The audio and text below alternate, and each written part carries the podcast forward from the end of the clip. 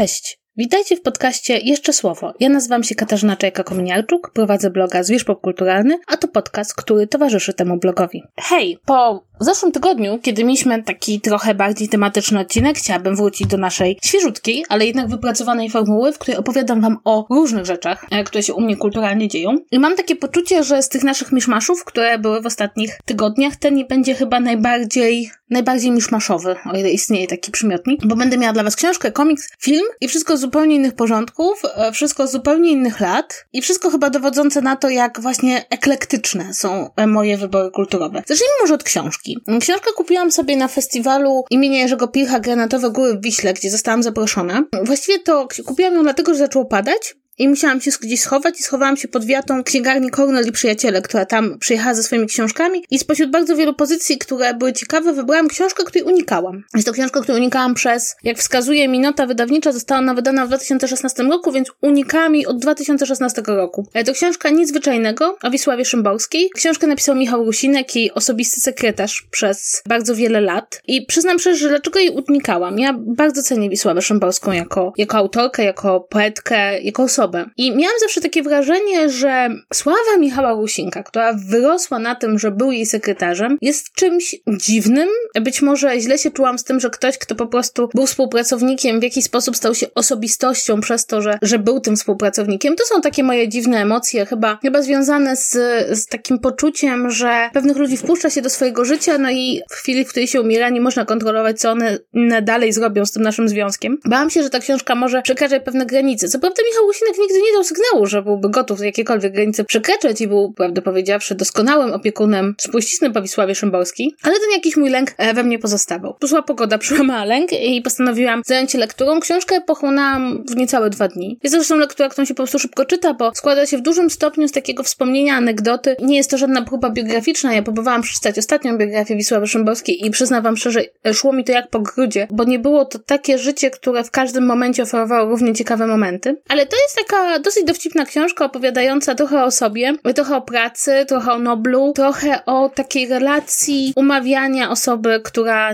być może wolałaby jednak mimo wszystko nie przebywać w tłumie. Bardzo dużo jest tu dowcipnych momentów. Widać, że autor ma to takie lekkie pióro i dowcip. Być może to była podstawa tej bardzo chyba ciepłej relacji, jaka była między nim a, a Szymborską, między Usinkiem a Szymborską. I przyznam szczerze, że przeczytałam tą książkę z olbrzymią przyjemnością. Trochę miałam takie poczucie, jakbym czytała być może trochę wydłużony artykuł prasowy. Jest tutaj bardzo taki wspominkowy, nastrojowy sposób opowiadania. Najbardziej bałam się ostatniej części tej książki. Bałam się książki poświęconej ostatnim dniom i umieraniu, bo miałam takie poczucie, że to jest taka, taki moment, w którym ta osoba, o której piszemy, jest najbardziej wrażliwa i być może zwłaszcza w przypadku osoby tak prywatnej jak Szymborska, nie chciałaby dopuścić czytelników do tego fragmentu swojego życia. Tu mam mieszane uczucia. Z jednej strony jest to niesamowicie taktownie potraktowane, jakby nigdzie nie ma wspomnianej nazwy choroby, na którą umarła Szymborska, także sama książka kończy się jej wierszem. Wierszem o tym poranku bez nas, o tym, co się dzieje ze światem, kiedy umieramy. Jeden z moich ulubionych jej wierszy. Ale jednak mimo wszystko jest tam element takiego opisu słabnięcia, opisu, kiedy już jest to osoba, która no kończy swoje życie. Nie wiem, czy to należało tu dodawać nie wiem, czy nie należało być może zakończyć w miejscu jakiejś ostatniej wyprawy włoskiej, która to wyprawa jest jednak wyprawą osoby żywej. Jednocześnie czytając tą książkę miałam takie poczucie, zresztą podejrzewam jak sam autor, dopuszczenia do świata, który no już nie, nawet nie tyle, że odchodzi, co odszedł. Świata pełnego ludzi niesamowicie wybitnych, żyjących niby w Polsce, tak naprawdę będących obywatelami jakiejś większej społeczności, międzynarodowej społeczności wielkich pisarzy, ludzi intelektu. Nawet nie tyle pisarzy, bo także tłumaczy, naukowców, intelektualistów porozumiewających się ze sobą ponad granicami, stanowiących element jakiegoś większej struktury intelektualnej, myślowej, która zawsze się odnajdzie gdzieś tam w świecie. Kiedy czytałam o kolejnych osobach, które wiem, że już nie żyją, poczułam, że jest to jakiś świat, który odszedł, jest to jakiś świat, który mógł się wygenerować jeszcze w trochę innych warunkach, czasem cięższych niż te, które mamy teraz, ale jednak wciąż stawiających pewne intelektualne porozumienie na pierwszym planie. Także ludzie, których życie, być może dzięki temu, że nie było social mediów, w ogóle w niektórych miejscach te media były ograniczone, życie było bardzo prywatne i wydaje mi się, że trochę ta książka, być może to sobie tylko dopowiadam, pokazuje jak bardzo prywatność, osobność, nawet samotność jest ważna w twórczości, że jednak mimo wszystko jest takie miejsce, do którego twórca nie może nikogo dopuścić i tam się dzieją rzeczy wielkie. Wyznam szczerze, że, że byłam bardzo taka może nie negatywnie, ale właśnie ostrożnie nastawiony do książki, ale ostatecznie cieszę się, że ją przeczytałam. Jest to być może taka lektura, która sprawia, że bardziej trzeba myśleć o świecie, o właśnie o tych intelektualistach niż Szymborskiej, ale, ale cieszę się, że ją przeczytałam, cieszę się, że ją przeczytałam w takim, takiej idealnej atmosferze do czytania książki o, o literaturze, o autorach, czyli właśnie będąc jeszcze trochę na festiwalu literackim, bo to jednak sprawia, że człowiek zaczyna tęsknić za tą atmosferą właśnie mówienia i stawiania literatury na pierwszym miejscu. Coś, co przynajmniej dla mnie jest zawsze fascynujące, że kiedy zbierze się w jednym miejscu dosyć dużo osób zajmujących się literaturą, to one chcą o tej literaturze rozmawiać. Jeśli spotkacie kiedykolwiek osobę zajmującą się literaturą, która nie chce o literaturze rozmawiać, to mi powiedzcie, bo ja takiej osoby nie znam. Dobrze, zaczęliśmy od wysokiego C, a teraz przejdźmy do czegoś, do zakupu ponownie przypadkowego. Zaraz się wyda, że ja w ogóle całą swoją kasę wydaję na przypadkowe zakupy kulturowe, ale to jest naprawdę przypadek, że trafiłam na te dwa komiksy. Otóż wyobraźcie sobie, że weszłam do sklepu Jatta w Warszawie. To jest taki sklep, który specjalizuje się w komiksach, ale także specjalizuje się w mandze i miałam tam jedną rzecz, którą chciałam kupić, um, której nie kupiłam, bo jej nie było, ale jak ją kupię, to też wam o niej opowiem. I przy samym wejściu zostałam dwa albumy, które mnie po prostu uwiodły swoimi okładkami, ale także uwiodły mnie tytułem. Słuchajcie, są to albumy autorstwa tego Yaor Gadimira Samduja.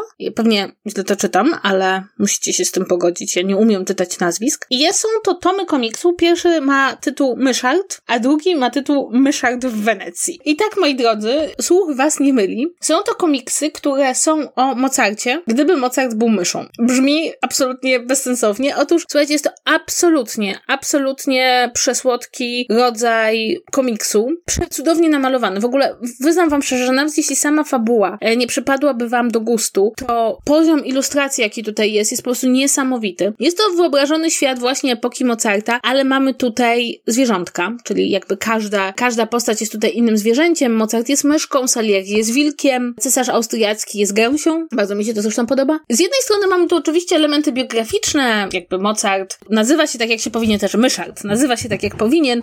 Jest element dworu, jest element bycia kompozytorem nadwornym, zgadzają się imiona jego jego towarzyszy, jego rodziny, jego ukochanej. Różnica jest taka, że są tutaj takie elementy fantastyczne oraz elementy wynikające z tego, no, że Mozart jest małą myszką i na przykład w Wenecji, no, może się okazać, że ktoś będzie chciał go zjeść. Powiem wam szczerze, że jest to najbardziej urocza rzecz, jaką czytałam od bardzo dawna, bo z jednej strony mamy tutaj taką trochę baśniowy świat, za, zasiedlony przez zwierzątka. No, wiadomo, że tego typu narracje często prowadzą do takiej baśniowości. Z drugiej strony mamy tutaj oczywiście nawiązanie do biografii Mozarta, do jego korespondencji, do prawdziwych wydarzeń z jego życia, no i do tego wszystkiego wszystkiego mamy jeszcze fantastyczne, absolutnie fantastyczne, przepiękne ilustracje, które zasiedlają ten świat najróżniejszymi zwierzętami i muszę wam powiedzieć, że obraz karnawału w Wenecji jest porażająco piękny. Bardzo wam polecam. Te komiksy są teoretycznie kierowane do dzieci, więc jeśli macie jakieś dziecko w zasięgu wzroku, to możecie mu je kupić, ale myślę, że spokojnie możemy odrzucić to przekonanie, że jeśli ta fabuła nie jest jakaś wyjątkowo okrutna, to jest to coś wyłącznie dla dzieciaków, bo możecie to sobie kupić także dla siebie po prostu, żeby się absolutnie pozachwycać tą, tą kreską i tą ilustracją i tą, tym pomysłem. Ja jestem zachwycona, zresztą te komiksy były wystawione tak, że można było zobaczyć okładki, okładka Myszarda, ma taką,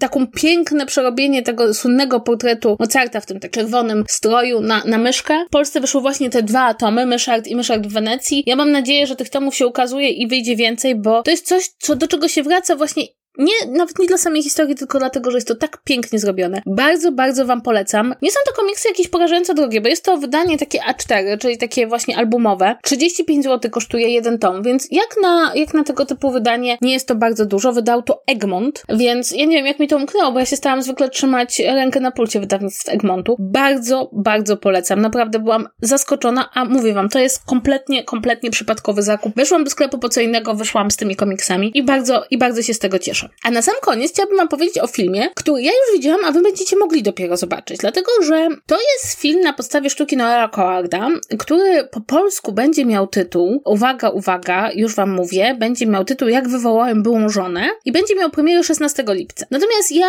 nie czekając na tą polską premierę, zresztą nawet się nie za bardzo spodziewając, kupiłam e, ten film jako Blight Spirit przez internet, na eBayu akurat, ale można go kupić też na Amazonie, wiem, że dużo osób nie kupuje przez Amazon, natomiast bardzo często brytyjskiego polskiego kina nie da się inaczej kupić. No ale w każdym razie jest to ekranizacja sztuki Noela Cowarda i mnie do tego filmu przyciągnęła obsada, ponieważ w obsadzie znalazł się Dan Stevens, czyli aktor, którego ja bardzo, bardzo lubię. On zadebiutował tak dla szerszej widowni w Downton Abbey, bo wcześniej grał na przykład w nowej ekranizacji rozważnej romantycznej, no ale między innymi możecie go kojarzyć z Legionu czy z Gościa. Gra tu także Isla Fisher, Leslie Mann, a także Judy Dench e, w roli um, tak, takiego medium, które sp- sprowadza na bohatera ducha jego byłej żony. Powiem tak, to jest bardzo ciekawy przykład, bo to jest ekranizacja komedii. E, nie chciałabym tutaj podać złego roku. Wydaje mi się, że to są lata 40. Rzeczywiście to, to jest komedia chyba z 41 czy 2 roku. I powiem tak, jest to jedna z tych komedii, które na scenach są wystawiane niesamowicie często. Nie jest to pierwsza adaptacja. Wydaje mi się, że to jest druga, czy nawet trzecia adaptacja tej sztuki.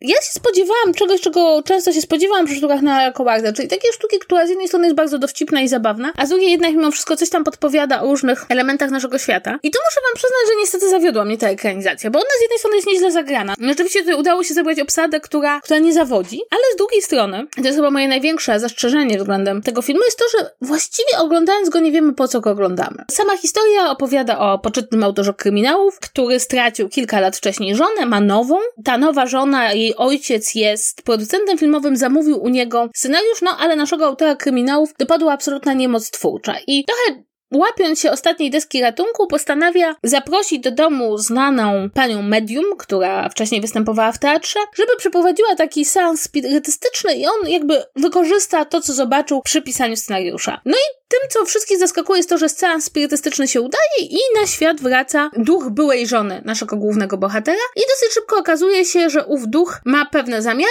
a nasz główny bohater nie jest tak niewinny, jakby się mogło wydawać. Jest to taka typowa komedia, w której ważne jest to, kto w kogo rzuca zastawą stołową, ważna jest komedia omyłek, to, że ktoś zachowuje się w sposób absolutnie niewłaściwy w towarzystwie, ale im dłużej oglądałam ten film, tym bardziej miałam wrażenie, że to, z czego on się śmieje, a śmieje się w dużym stopniu z pewnej kultury lat 30., z pewnych tamtejszych mód, sposobu zachowania, odniesienia się do popkultury, odniesienia się do twórców, pewnej bardzo charakterystycznej klasy społecznej, że to wszystko dzisiaj nie gra. I twórcy tego filmu, mam wrażenie, nie umieli znaleźć żadnego innego, ani zabawnego, ani emocjonalnego środka, który mógłby nam wyjaśnić w sumie, czemu my to oglądamy po raz kolejny. I tutaj chciałabym zrobić taki mały, małą wycieczkę na bok, bo ja jakoś tak się złożyło, że w ostatnim czasie sztuki Noela Cowarda trochę mnie prześladują, bo powtarzałam sobie Wojnę domową. To jest ekranizacja jego sztuki sprzed e, kilku lat, nawet nie kilku, więcej lat. Oglądałam ją dlatego, że jednego grał Ben Barnesa, byłam w fazie na oglądanie rzeczy z Benem Barnesem i muszę powiedzieć, że tam się udało. Tam z jednej strony mamy oczywiście też taki element komediowy, ale z drugiej, no, rzeczywiście udało się bardzo mocno podkreślić to, że tam na drugim planie jest jakiś wątek tych mężczyzn, którzy nie powrócili do domu po I wojnie światowej. Tutaj żadnego takiego wątku nie ma i ta komedia staje się taką troszkę ramotką. I teraz y, to jest oczywiście zależne od nas jako od widzów. Ja nie ukrywam, że czasem lubię takie ramotki. Ja nie zawsze muszę przeżywać głębokie emocjonalne e, stany, nie zawsze muszę się zastanawiać nad tym, jak wygląda świat. Czasem chcę popatrzeć na przystojnego aktora w stroju z lat 30., czy na piękne aktorki też w strojach z epoki. Ale tutaj to wypadło wszystko bardzo płasko. Chyba najbardziej obronną ręką, co absolutnie nikogo nie powinno dziwić, wychodzi Judy Dench, która gra owo medium, e, bo jej wątek ma w sobie właśnie ten taki emocjonalny pierwiastek, ale nawet to nie jest w stanie chyba ocalić całej tej produkcji. Myślę być może, że gdybym natrafiła na nią gdzieś w telewizji, to jest zresztą w ogóle e, film produkcji Sky, czyli jednej ze stacji telewizyjnych, że gdyby być może natrafiła na to w telewizji w jakiejś sobotnie popołudnie, to obejrzałabym to bez bólu. Ale biorąc pod uwagę, że sprowadziłam sobie to DVD i spodziewałam się być może, być może czegoś więcej, to, to jakoś wypadło to wszystko płasko. To zresztą dobrze pokazuje, że nawet popularna sztuka sceniczna nie zawsze musi się sprawdzić w formie filmowej. Zresztą mam wrażenie, że taki szok przeżyli twórcy filmu Mayday w Polsce, który to film oparty o dosyć bardzo popularną farsę. Okazał się płaski i nie zyskał sobie przychylności widowni, mimo że ta sama widownia zaśmiewała się co wieczór w teatrze. Skoro już przy Noelu gdzie jesteśmy, to muszę przyznać, że jedna rzecz mnie zastanawia, dlaczego akurat wybrano tą sztukę e, do ekranizacji. Dlatego, że Blind Spirit to jest taka sztuka, która chyba w ostatnich latach nie budziła żadnych emocji i nie wydaje mi się, żeby ktokolwiek tak naprawdę na ten film czekał. A tymczasem, kilka lat temu, National Theatre wystawiło w 2019 bodajże, jeśli dobrze pamiętam, czyli tuż przed, e, przed lockdownem, a może troszeczkę wcześniej, nie, w 2019, National Theatre wystawiło Present Laughter, też e, Noela Cowarda, z Andrew Scottem w roli głównej. I to było przedstawienie, które zresztą było pokazywane w cyklu National Theatre Live, więc ja myślę, że będzie może okazja obejrzeć je w ramach tego National Theatre at Home, czyli takiej nowej subskrypcji teatru brytyjskiego amerykańskiego, którą można sobie wykupić, to nam pandemia dała. W każdym razie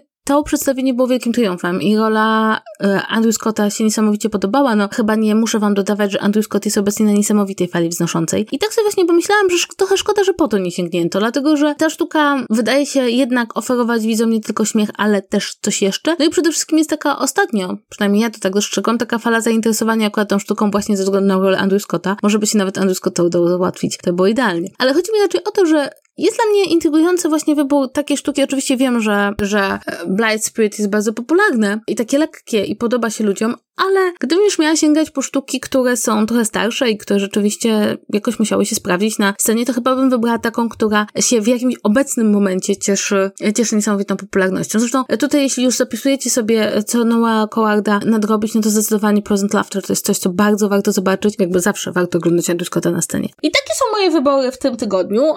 Mam wrażenie, że trudno o bardziej eklektyczny wybór, bo sięgnęliśmy po książkę o noblistce, komiks o myszy, która jest mocarna, i po film, który opowiada o kiedyś cieszącym się olbrzymią popularnością pisarzu. No może rzeczywiście jest jakiś wątek przewodni, sami musicie go może odgadnąć w moje miejsce, bo ja go nie widzę. Dobrze, i to chyba będzie tyle w tym tygodniu, więc kupujcie komiks o myszarcie, być może przeczytajcie nic nadzwyczajnego Michała Łusinka, moim zdaniem to będzie całkiem przyjemna lektura, może też będziecie umieli się do niej jakoś inaczej odnieść niż ja. Jak wywołałem byłą żonę, możecie sobie, możecie sobie spokojnie odpuścić, wydaje mi się, że to jest taki film, który chyba powinien się cieszyć z faktu, że przez pandemię ludzie być może go nie zobaczyli w kinach, nie mieli szansy go tak strasznie zjechać, jak no to być może potencjalnie zasługuje. A jednocześnie tutaj, jak już zbliżamy się do końca, to chciałabym Wam bardzo podziękować moim słuchaczom, bo ja to nagrywam zawsze z pewnym wyprzedzeniem, wydało się, ale w momencie, w którym to nagrywam, dochodzą do mnie pierwsze informacje o tym, jak w ogóle ten nasz podcast sobie radzi. E, no i radzi sobie bardzo dobrze. I to znaczy, że cieszycie się tym, że możecie mnie słuchać, a tym samym dajecie mi olbrzymią radość tym, że mogę dla Was nagrywać. I przyznam szczerze, że nie spodziewałam się takiego odzewu. Prze przerósł wszelkie moje oczekiwania. Oczywiście zdaję sobie sprawę, że wciąż towarzyszy nam posmak nowości i być może gdzieś tam w przyszłości czają się straszne momenty, kiedy będziecie mieli dosyć moich polecanek i uwag, ale póki co żyjemy w tym tak miesiącu miodowym naszej znajomości podcastowej i bardzo chciałabym Wam za ten miesiąc miodowy podziękować, bo on rzeczywiście niesamowicie motywuje do, do dalszej pracy i do nagrywania. I to w sumie w tyle w tym tygodniu. Trzymajcie się, pamiętajcie, że możecie zawsze zajrzeć na mojego bloga Zwierz Popkulturalny i tam poszukać recenzji i tekstów poświęconych innym serialom, filmom, książkom, czego tylko chcecie. I możecie mnie oczywiście śledzić we wszystkich moich mediach społecznościowych, gdzie też bardzo często wrzucam czy to polecanki, czy to konkursy, czy to inne informacje na temat tego, czym aktualnie żyję. To tyle w tym tygodniu. Do usłyszenia następnym razem.